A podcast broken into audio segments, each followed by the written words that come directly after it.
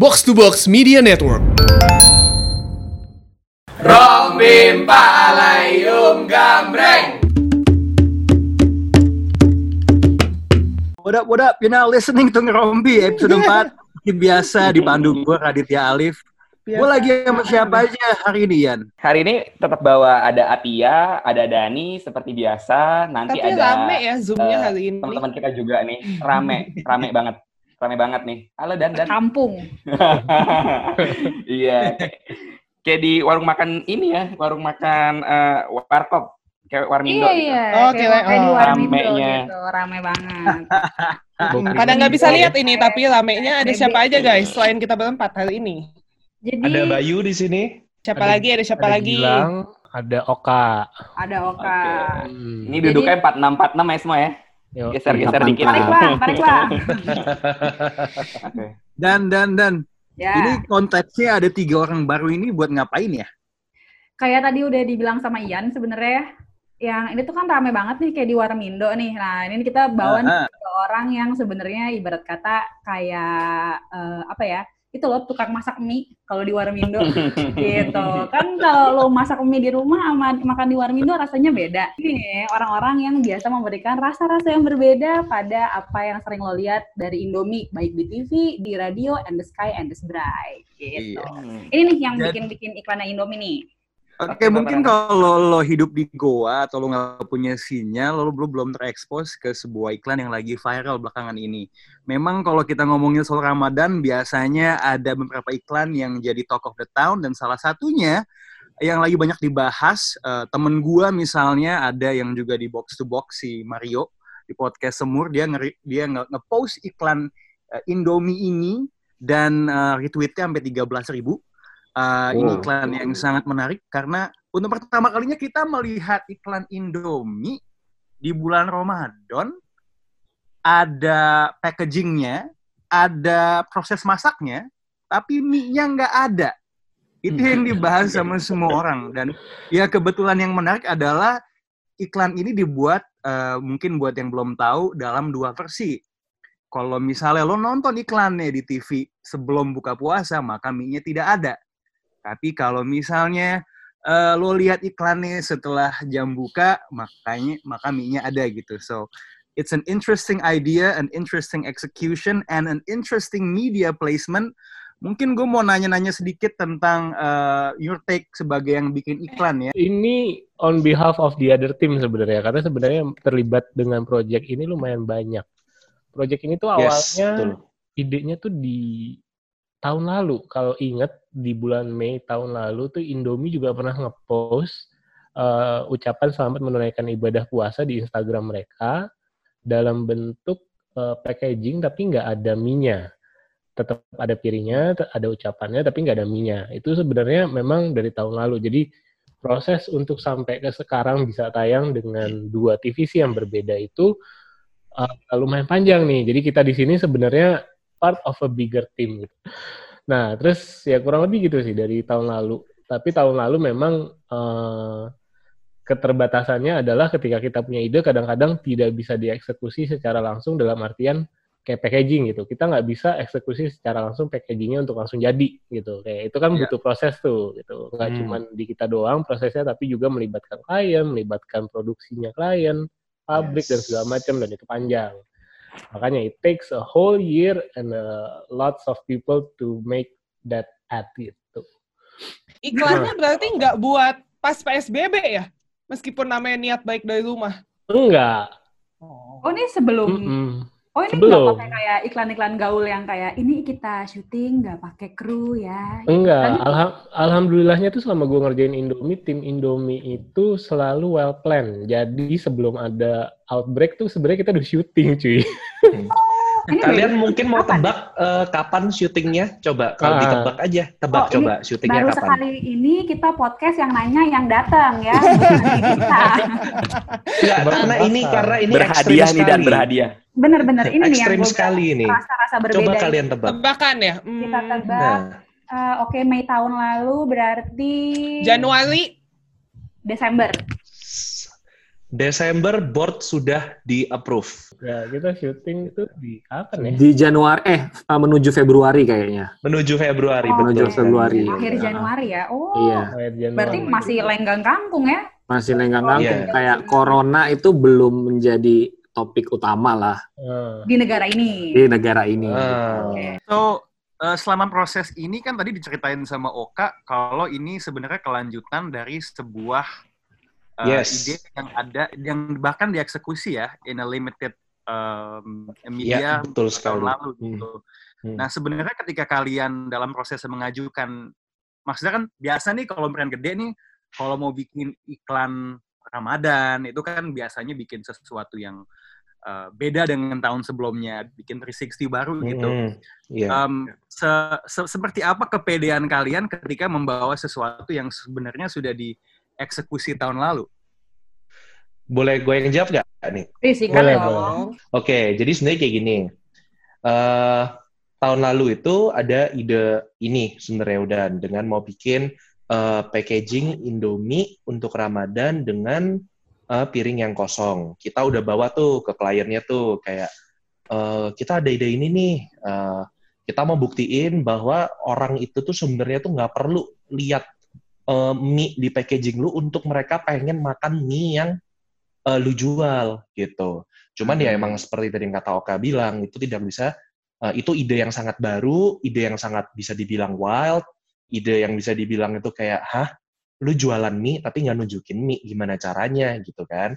Eh, tapi untungnya pada tahun lalu itu, di bulan Mei, eh, Bapak Eksten Salim sangat tertarik tuh dengan ide itu. Akhirnya, ya udah deh, kita karena udah punya plan untuk eh, eh, apa campaign Ramadan, ya udah kita jalanin plan kita yang udah ada dulu, tapi nggak apa-apa.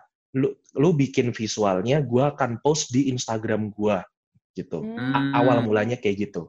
Oh, pribadi ya ini berarti ya? Heeh, di post pribadi, setelah di post di Instagramnya Bapak Eksten Salim, terus akhirnya eh, dari tim eh, digitalnya Indomie, agensi digitalnya Indomie, pun mereka ngepost di Instagramnya Indomie gitu. Hmm. Nah, setelah di post, eh, pertamanya kita tunggu satu bulan, dua bulan. Eh, ternyata nggak sampai nggak sampai nggak sampai sebulan kayaknya ya. Mm-mm. That particular post itu jadi the most liked and most commented post Commented. yang Indomie pernah eh, di se- sepanjang feed Instagramnya Indomie. Hmm. That Oh. particular post yang simple banget, cuman eh, kita nggak even photoshoot, kita itu cuman eh, DI dan lain-lain. Itu Oh, jadi iya, the most commented and the most liked um, apa post di Indomie. Mei Dari 6. hal-hal itu, ya, dari hal-hal itu, makanya di tahun ini kita pede banget nih untuk bawa propose eh, ide ini untuk Bu, oke, let's do this for real this time, gitu. Jadi kayak kalau tahun lalu ini cuman berupa digital post, tahun ini kita go all out. Mungkin untuk fakta tambahan aja buat lucu-lucuan bahwa ternyata pos Indomie yang kita bahas tadi yang tahun lalu yang Mei 2019 itu eh, ada 654 komen dan komen terbarunya adalah 20 jam yang lalu. Jadi ternyata orang yang Wow. beneran inget tuh gitu masih Oh, masih recall ya? masih recall Wow. ternyata dan banyak banget yang komen kayak lima hari yang lalu, enam hari yang lalu dan mereka balik lagi ke post itu buat komen di situ gitu. Hmm. Itu Jadi creepy kayak- banget, Jet. Kayak lu nggak sengaja nge-like uh, foto cewek yang udah dua tahun lalu gitu anjir. Ya udah lu Nah, bilang ketahuan banget. Ketahuan banget tuh ngepoinnya scrollnya sampai bawah.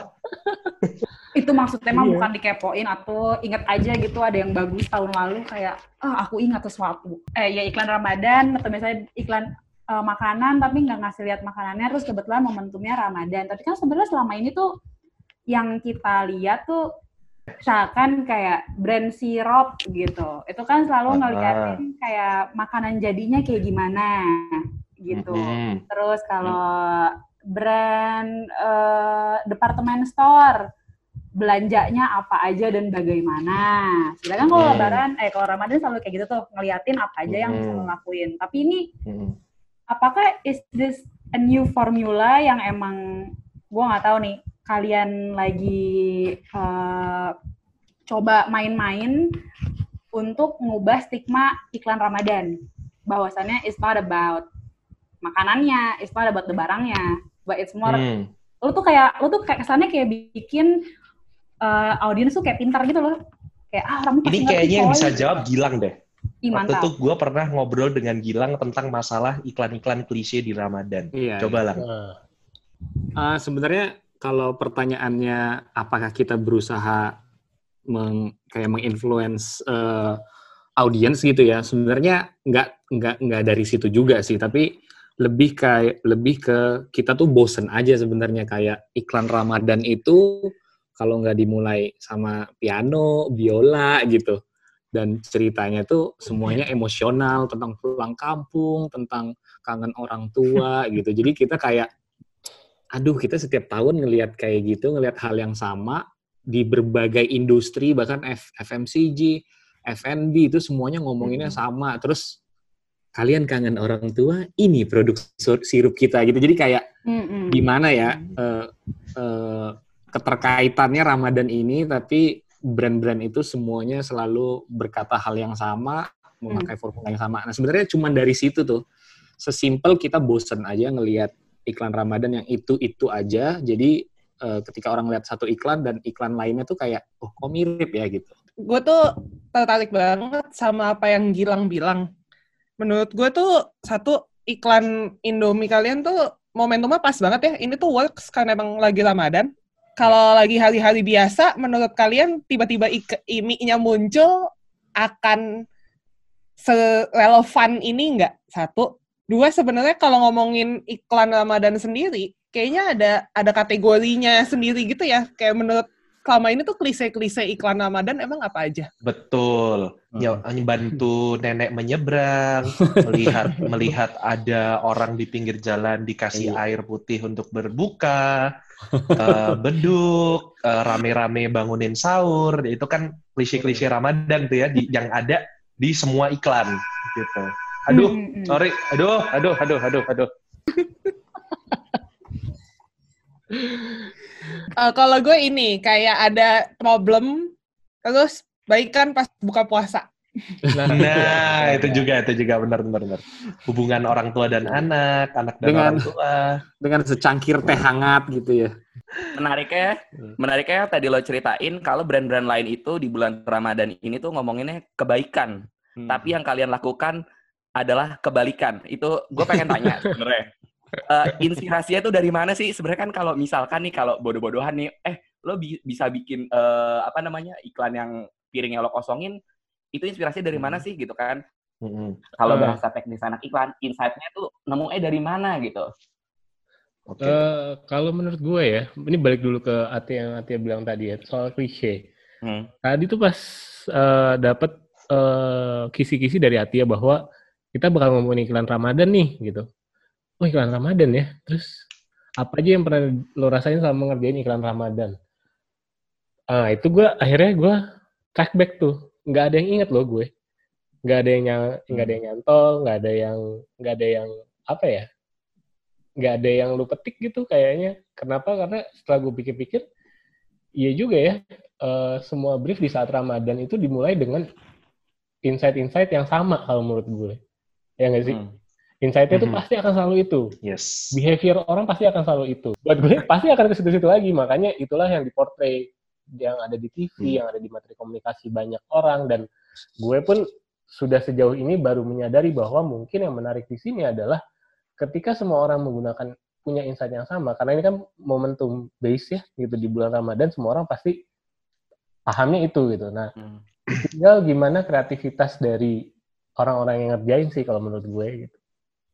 Dan itu gue kalau boleh kalau boleh nambahin pertanyaannya Ian tadi ya, sebenarnya insight-nya itu tuh simpel banget sih. Kenapa piring kosong itu? Karena satu, pada saat Ramadan, eh, ini sebenarnya dari segi teknikal ya. Mungkin buat kalian yang kerja di iklan pasti tahu lah ya. Ada jam-jam tertentu di TV airing yang nggak boleh ada makannya karena seorang lagi puasa, ya kan? Oh, betul betul. Even heeh, even restoran pun jam-jam puasa pakai tirai, ya kan? Even eh, nggak nggak mungkin lah iklan marjan itu keluar di jam-jam 12 yang siang bolong orang lagi kepanasan, itu nggak mungkin gitu. Hmm. Sebenarnya insight kita itu tuh men- men- mensiasati itu. Gimana ya orang tetap bisa ingat sama Indomie di saat iklan tidak mengizinkan untuk menunjukkan makanan. Itu sebenarnya uh, awal idenya itu. Dan kita ingat juga bahwa siapa sih Nyet, yang nggak tahu Indomie gitu. Hmm. Siapa sih yang nggak tahu those combination of color red, white, and black Hmm. itu Indomie? Siapa sih yang nggak tahu gitu? Eh, gue sebenarnya pengen pengen nanya lo soal itu sih. Menurut lo iklan ini for all of its creativity, apakah ini iklan yang bisa works untuk brand lain atau memang karena Indomie itu adalah brand yang sangat kuat, um, it works better gitu. Like how how do you see it gitu? Apakah brand lain sebenarnya bisa bikin iklan kayak gini atau enggak? Eh, Apa nih? kalau menurut gue sih enggak ya, ini Indomie doang, sorry ya. Maaf. gitu. sebenarnya sebenarnya untuk pertanyaan itu gue kemarin nemu satu post aduh tapi gue lupa banget eh, nama Instagramnya apa ya dan itu di repost sama Extern Salim jadi ada satu post Instagram dia ngebahas tentang dunia periklanan dan marketing tuh dia satu post itu didedikasikan untuk menganalisa eh, iklan ini nah dia bilang di situ eh, wah keren ya ini re- kayak reverse psychology gitu. Ini works nggak ya untuk di iklan lain? Dan Hmm. dan gue lihat tuh komen-komennya banyak yang ah enggak sih kayaknya enggak sih. Banyak bilang kayak gitu. Tapi Mhm. setelah gue pikir-pikir ya mungkin mungkin iya juga gitu. Karena sebenarnya karena kenapa menariknya iklan ini yang enggak ada mie-nya itu menurut gue pribadi karena tuh Indomie sebagai brand yang brand love-nya bisa dibilang tinggi banget gitu dan deket banget sama orang-orang Indonesia. Ditambah lagi kebiasaan juga brand Indomie yang selalu dikomunikasinya itu selalu ada mie-nya, selalu ada enjoyment shot gitu, selalu ada proses masaknya.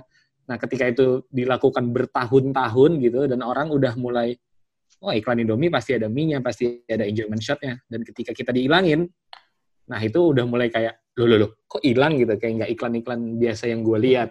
Ya, jadi kayaknya kalau menurut gue brand lain bisa pull this off atau enggak, gue agak ragu. Tapi ya mungkin brand-brand yang deket juga dengan orang-orang Indonesia gitu mungkin bisa aja ya. Oke, mungkin diplomatisnya gini kali ya. Bisa aja brand lain melakukan seperti ini, tapi impact-nya mungkin tidak sebesar ini. Nah, Iya. gitu kali ya. Ada fakta menarik Atau yang mungkin pernah gue insight-nya baca. ya. Apa? Fakta apa, Bay? Jadi gini, ada fakta menarik yang pernah gue baca. Jadi di US ternyata salah satu strategi eh, untuk orang properti, jadi property agents, untuk mereka menjual sebuah kayak rumah, itu tuh jadi gini, biasanya kalau misalnya lu mau menjual sebuah rumah, most likely rumah itu akan udah vacant lama dong, udah kosong, udah nggak ada pen- penghuninya, mungkin udah nggak ditinggal beberapa tahun, atau that house itu baru recently built, baunya itu masih bau bangunan, ya kan? Hmm. Untuk mereka, untuk mereka apa bikin feel like home, orang-orang yang datang ke untuk ngelihat rumah itu potensial buyer-nya yang mereka lakukan beberapa jam sebelum mereka datang, mereka nge-bake roti di rumah itu. Karena ternyata secara research bau eh, roti panggang, roti dipanggang, orang ngemanggang roti, itu tuh mengingatkan orang Amerika nih ya akan rumahnya mereka. Nah, menariknya dari re- research ini di Indonesia yang mengingatkan lu tentang rumah itu ternyata bau Indomie. Spesifik bilang bau Indomie goreng. Itu itu kayak fakta menarik banget gitu menurut gue gimana kayak Indomie itu tuh nggak perlu lu lihat, lu bau aja tuh lu udah tahu gitu loh. Jadi itu menurut gue menarik banget sih gitu. Wow. Sayang kita nggak bisa memanfaatkan bau untuk beriklan di TV ya. Kalau tahu, Iya. nggak usah ngapa-ngapain. Sekuat itu makanya kalau pertanyaannya apakah brand lain bisa, mungkin bisa, tapi ya itu tadi nggak ada faktor itunya loh yang bahkan baunya pun tuh mengingatkan lu akan rumah gitu. Dan komen-komennya pun sebenarnya ngomongin kayak gitu ya. Mie-nya nggak ada, baunya tetap kecium anjir gitu. eh, tapi ya itu Oh. tadi kayaknya pertanyaannya Ian ya, jawabnya kita itu versi seriusnya ya. Sebenarnya versi nggak seriusnya tuh ya. Kita lagi brainstorm, terus tiba-tiba uh, Afi nyeletuk, oh kita bikin ini aja ucapan selamat tapi nggak ada minyak. Jadi kita bikin iklan nggak ada minyak. Oh iya gitu. Dengan semangat yang tadi gitu, dengan semangat menghindari klise sebenarnya. Iya. Eh, begitu ditarik balik ke- kebetulan wah iya ternyata make sense ya ada ya insight-nya iya bener kita aja kalau makan di warteg ditutupin waktu bulan puasa gitu kan jadi ya ya itu sih versi cepetnya tuh gitu jawabannya sebenarnya kayak tiba-tiba Kalau versi gitu. pornonya, kalau versi pornonya ada juga nih. nah Apa tuh? Sesuatu makin lu sesuatu makin lu tutupin, makin lu penasaran. Nah. boleh, kalau boleh, kebu- boleh, kalau boleh. kebuka semua, lu udah nggak kepengen lihat. Kalau ketutupan dikit-dikit, lu tutupin, lu penasaran. sebenarnya kan dari tadi ngomongin tentang bagaimana sebenarnya Indomie itu brand yang udah gede banget bau ya misalnya kayak bentukannya nggak ada orang udah pasti tahu. Eh, padu padan warnanya orang udah pasti tahu itu pasti Indomie. Terus tadi kita juga sempat ngomongin tentang insight krisis di bulan Ramadan. So for like eh, Indomie nggak cuma buat particular iklan yang lagi hot banget sekarang ini ya tapi for the whole Indomie eh, apakah memang sebenarnya peran insight jadi tidak se sebesar itu untuk Indomie karena Indomie udah sebegitunya, sebegitu merajalelanya nih di masyarakat. hmm, coba dielaborate dan maksudnya insight tidak sebegitu ya buat di Indomie itu gimana Say, Udah taken for karena- granted lah ya.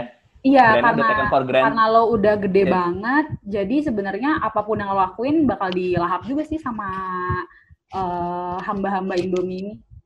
Oh itu You sebenarnya don't really need a specific insight or a very strong insight to create something out of it gitu.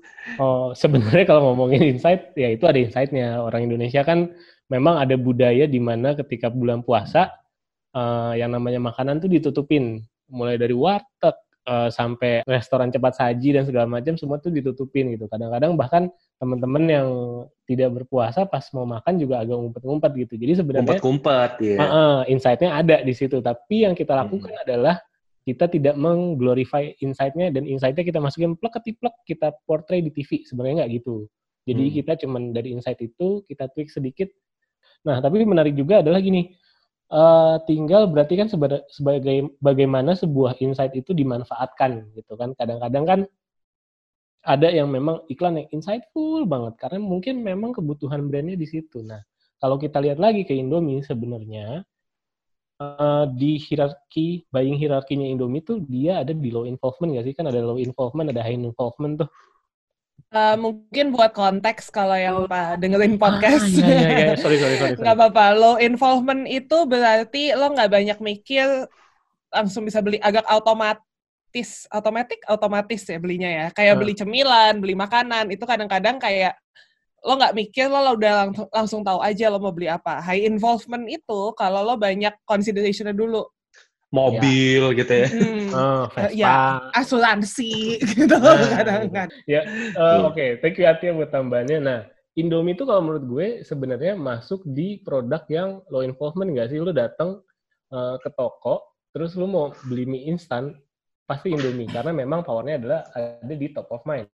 Tapi itu juga ternyata mempengaruhi bagaimana cara kita berkomunikasi terhadap eh, kepada masyarakat gitu. Kayak eh, nggak mungkin kalau misalkan produknya adalah mobil, terus eh, iklannya B, B, BMW gitu nggak mungkin gitu karena lo kan perlu perlu insight yang lebih deep untuk eh, create relevansi kenapa lo perlu sebuah BMW sedangkan Halus ya Indomie kak, masukin iklan terdahulunya ya.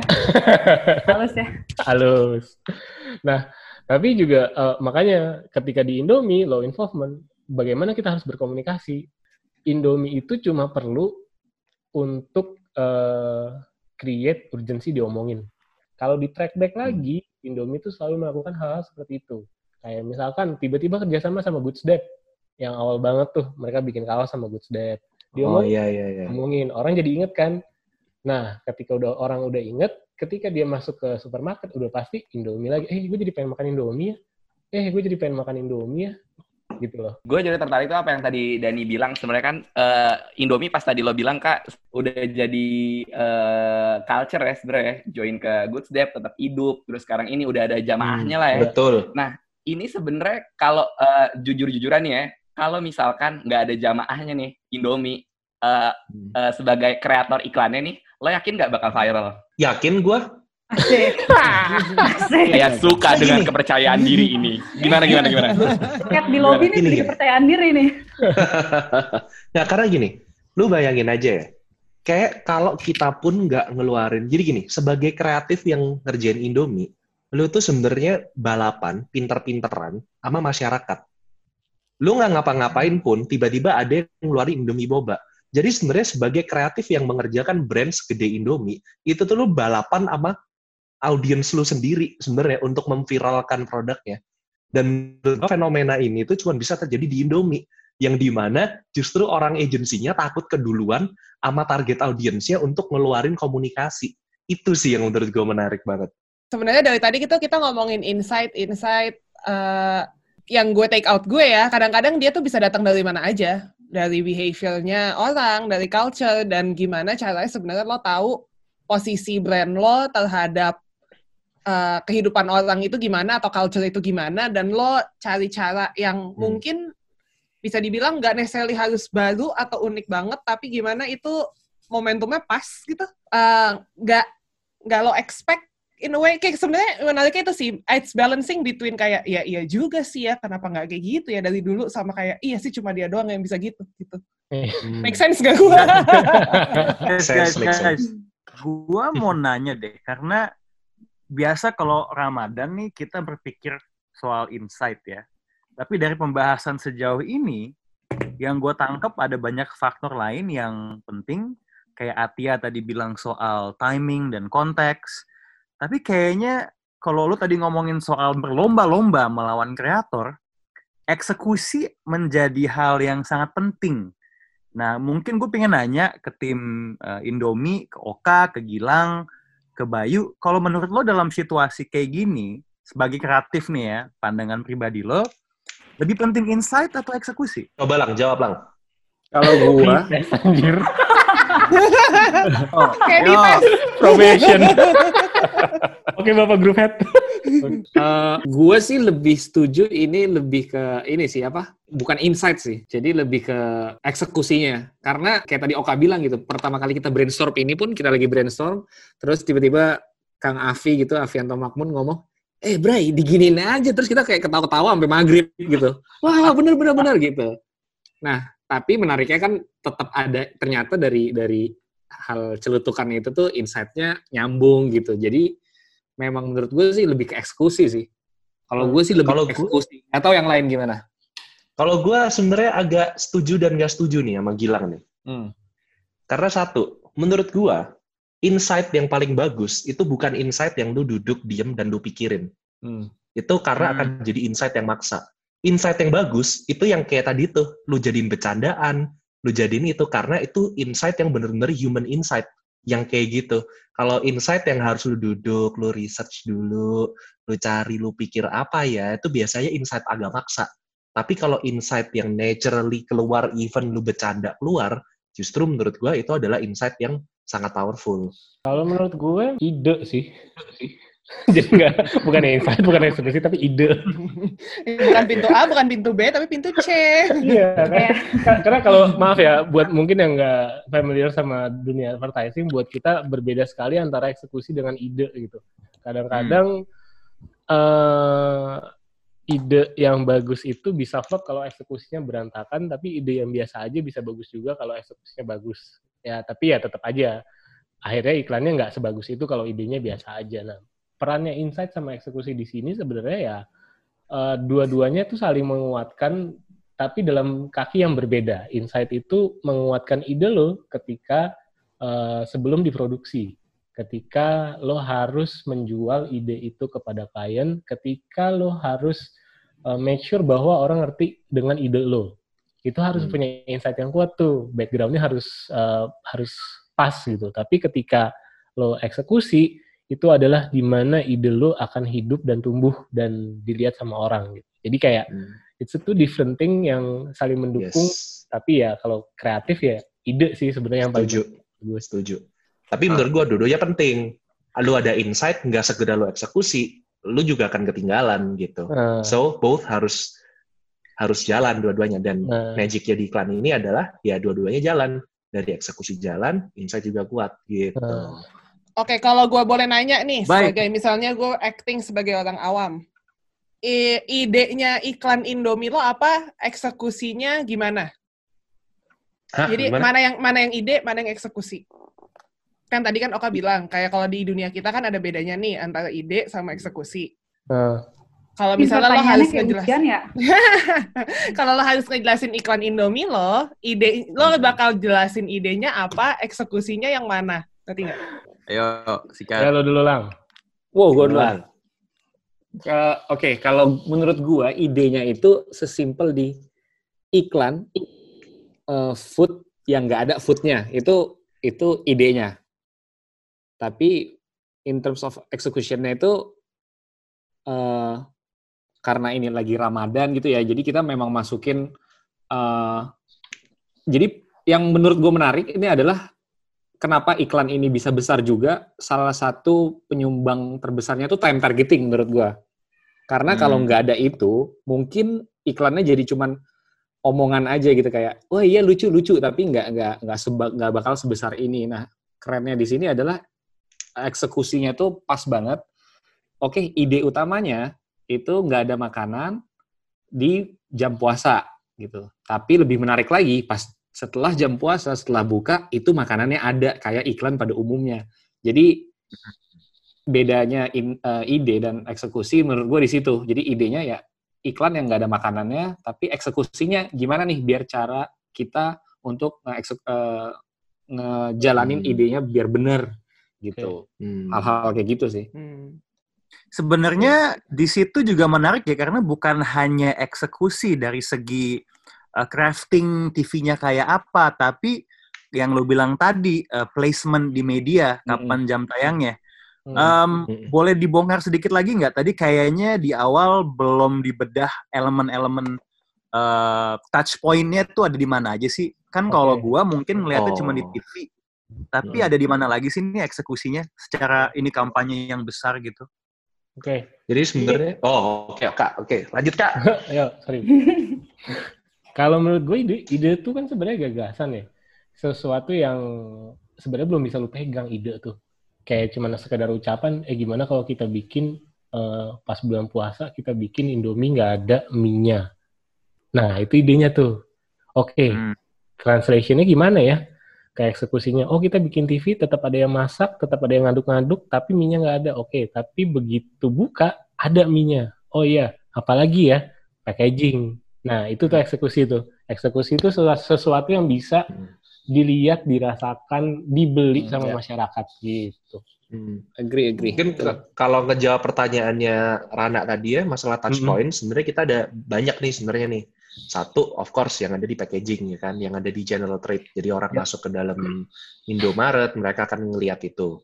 Yang kedua, kita punya placement di TV itu kita punya jadi eh, ada dua ada dua iklan berbeda yang kita taruh di TV. Dari jam di jam-jam yang belum buka puasa, kita akan pakai materi yang A yang nggak ada mie-nya. Setelah jam buka puasa, kita akan ganti semuanya dengan yang ada mie-nya. Itu dan kita pakai bumper di eh, YouTube. Jadi six second bumpers. Hmm. Sama konsepnya. Jadi eh, pakai sebelum jam puasa pakai yang nggak ada mie-nya, setelah buka puasa Ada mie. pakai yang ada mie-nya. Gitu. Ya, Itu ada sih radio juga ya, radio, billboard. Jadi emang Hmm. media sih hampir semuanya sih kalau Hmm. eh, campaign Ramadan ini. Ini Oke. packagingnya nationwide ya? Packagingnya di Modern Trade, Pulau Jawa, Pulau dan Jawa. Tokopedia. Oh, Pulau Jawa. Oh, dan Hmm, Tokopedia. Pulau Oh, Jawa. kalau nggak salah online shop ya. Ya, enggak soalnya ngebantuin aja. Jadi dalam sebuah komunikasi itu berarti harus ada insight, ada ide, ada eksekusi. Insight itu tadi tuh bahwa ternyata selama bulan puasa kita tuh menyembunyikan makanan kita. Itu terjadi di masyarakat. Kita bisa lihat mulai dari warteg sampai teman kita sendiri yang kalau makan ngumpet-ngumpet. Terus idenya apa? Oh, gimana kalau kita bikin iklan yang nggak ada makanannya? Eksekusinya itu tadi packaging ter- edisi terbatas kalau belum beli buruan dibeli kalau belum kehabisan Eh, ada TV dua sebelum dan sesudah buka ada radio dan materi-materi lain seperti billboard dan bumper Bumper. lebih seperti itu ya Oke, Geng lanjut. Warmindo, mau tanya dong, Geng Warmindo sebelum kita pindah ke segmen berikutnya. Ini intermezzo. Boleh. boleh boleh Eh, iklan kalian kan viral banget ya. Komentar kalian nih, kalau pengen dikasih kesempatan buat ngomong nih, iklan kalian kan dikomentarin sama Dian Sastro KZL. Kalian pengen ngomong apa ya? Ada kebanggaan. Saya iri. gimana gimana kalau lo pengen ngomong nih? Siapa dulu nih? Siapa dulu nih? Eh, siapa ya? Bebas. Itu Gilang lagi aja, dia Gilang selalu Gilang duluan. dulu gua deh, lagi. Gilang dulu deh. Kalau gua gua bukan Dian Sastro sih yang komennya gue like likein. Gue gue like likein tuh netizen netizen yang kreatifnya harus naik gaji nih itu gue like likein. Oke. itu gue love lovein komennya. Oke.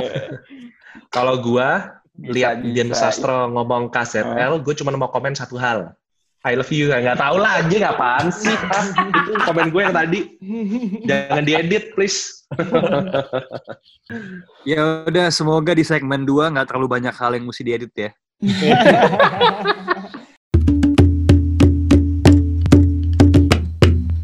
Hey guys, you're still listening to Ngerompi part 2. Kita tadi udah ngomong panjang lebar tentang iklan Indomie yang lagi viral, insight di baliknya, eksekusi, dan hal-hal lain terkait proses kreatif. Sekarang gue mau nanya ke tim kreatifnya, kita coba agak memperluas perspektif.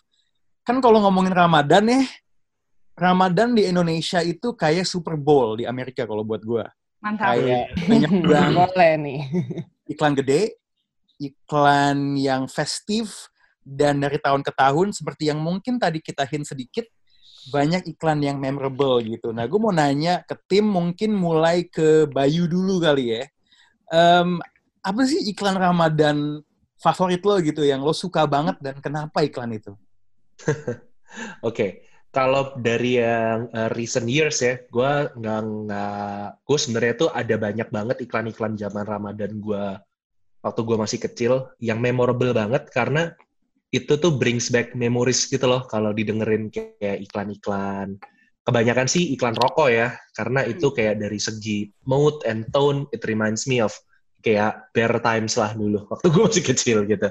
Cuman kalau misalnya ngomongin dari yang recent eh, apa recent ads dari brand yang gua suka banget dan itu tuh gua tiap kali nonton itu kayak anjir I, I wish I'm the one doing this itu tuh iklannya Gojek Gojek yang Ramadan Yang, yang barusan. kalau lu bukan bukan yang barusan yang kalau nggak salah Hmm. tahun lalu yang Kebaikan. iklannya tuh Cari kebaikan, Yang- cari kebaikan.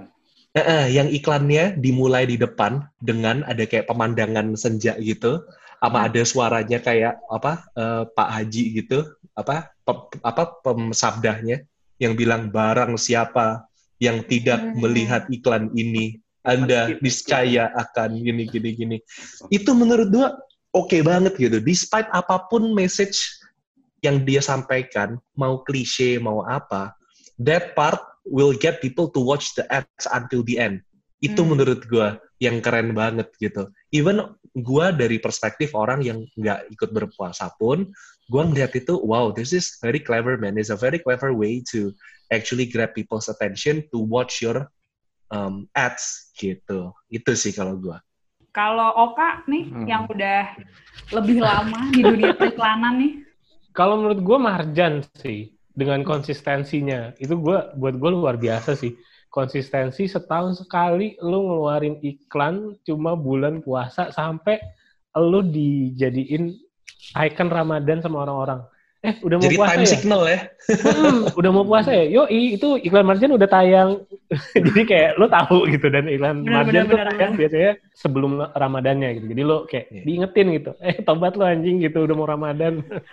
Kalau lo lang yang ngingetin eh, Ramadan, Kalau Ramadan yang paling gue inget itu iklan jarum yang ada Ebit GAD itu awalnya yang kita mesti telanjang. Nah itu itu gue nggak tahu kenapa kayaknya gue zaman kecil tuh eh, setiap hari kayaknya sebelum buka tuh yang di setel itu Iklan rokok tuh ngena-ngena banget ya zaman dulu ya. iya iya Sumpah sih. Yo, coy. itu Gak kayaknya cuman yang, Eh, yang bikin gue inget gitu. tuh lagunya terus ya ya gue kayaknya gue masih itu kan gue masih SD ya terus gue sadar oh emang kita emang nggak boleh nyolong korma gitu terus orang tuh di situ tuh kayaknya hangat banget gue ngeliatnya gitu walaupun brandnya ya Betul, betul. brand, brand rokok gitu ya tapi kayaknya message-nya itu kena banget ditambah lagu Ebit aja sih yang ngomong kita Oke. harus telanjang apa tadi?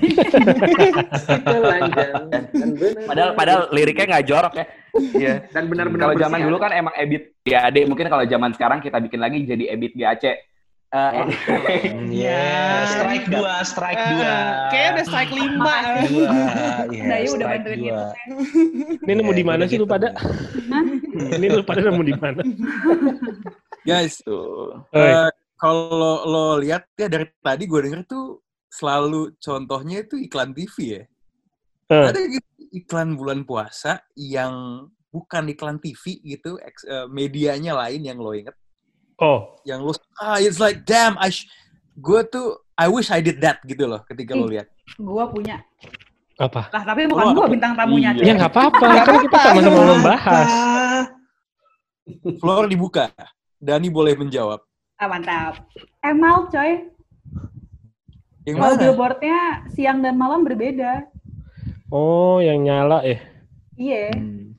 Kalau nggak salah itu Oh, Ramadan deh, iya, yang iya. makanan sama sebenarnya kalau nggak salah makanannya kelihatan nggak kelihatan. Oh, McD juga deh dulu pernah tuh kayak kalau Jangan-jangan itu McD ya? Shit, gue lupa. Oh, dia nutupin ininya coy. McD tuh dulu nutupin apa? Lambang M-nya tuh ditutup sama dia. Kan selalu ada Icon yang M-nya. Heeh, icon M-nya tuh ditutup sama bulan Ramadan. Tapi itu kalau nggak salah di Sarinah doang apa gimana gitu, gue lupa. Hmm. Ditutup sama dia. Anjir niat banget. Ran, kalau misalkan lu, lu kan lu kecil di Amerika ya Ran? Ada iklan Ramadan nggak Ran? Jadi nggak Ramadan kan? Niat gue juga itu. eh iklan Ramadan di gue bahkan gak inget iklan apa yang gue lihat di TV ya.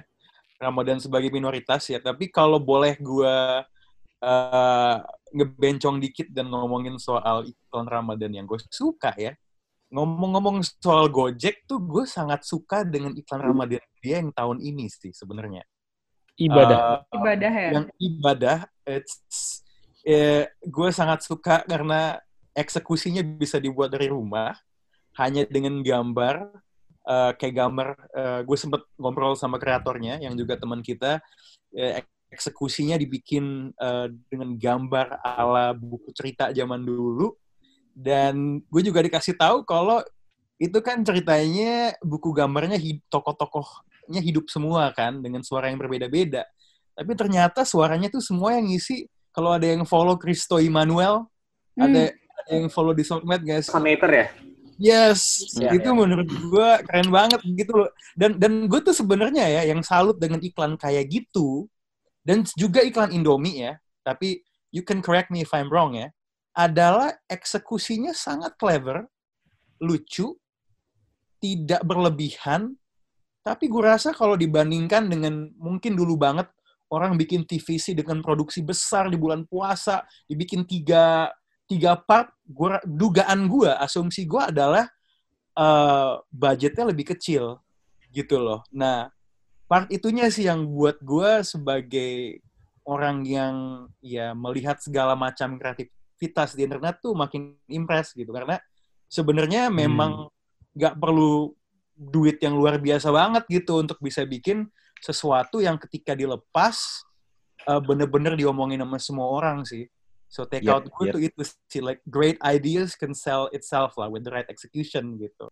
Cuman cuman kalau misalnya nih ya memakai logika gini ya, apa yang kalian lakukan untuk Indomie itu tidak pernah dilakukan sebelumnya gitu kan. Heeh. Nah, gue Hmm. kebe- kebetulan buat kerang referensi gue, gue tuh belum gue belum pernah ngelihat apa style yang kayak gitu di di iklan puasa gitu loh. Dan Hmm.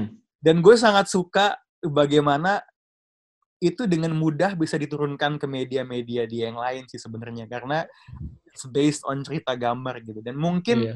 subjektivitas gue juga karena itu cerita ala-ala komik gitu dan kebetulan gue sangat suka baca komik. Gitu. Satu hal lagi yang gue pengen ngasih praise ini juga untuk eh, iklan Indomie juga sih sebenarnya ya. Kalau dari gue ngelihatnya adalah gue ngelihat kayak ini sebenarnya agak disinggung sedikit sama Gilang.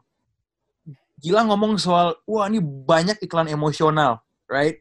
Hmm. Biasanya tuh kayaknya iklan yang viral tuh di antara iklan yang emosional banget yang kayaknya tujuannya adalah bikin lo mewek sama Tear iklan jerking. yang lucu dan nyampah gitu loh yang broken aesthetic gitu. Nah, gua appreciate-nya dengan iklan Indomie sebenarnya adalah it doesn't try to be like that gitu loh. Kayak it's just a witty execution yang nggak trying too hard to be something it's not gitu. Itu Oh, sih thank you. satu hal yang Yeah. sebelum podcast ini selesai gue harus sampaikan. I need to get that off my chest. Oke, terima kasih semua udah datang. Dadah. nah, thank you. Thank you.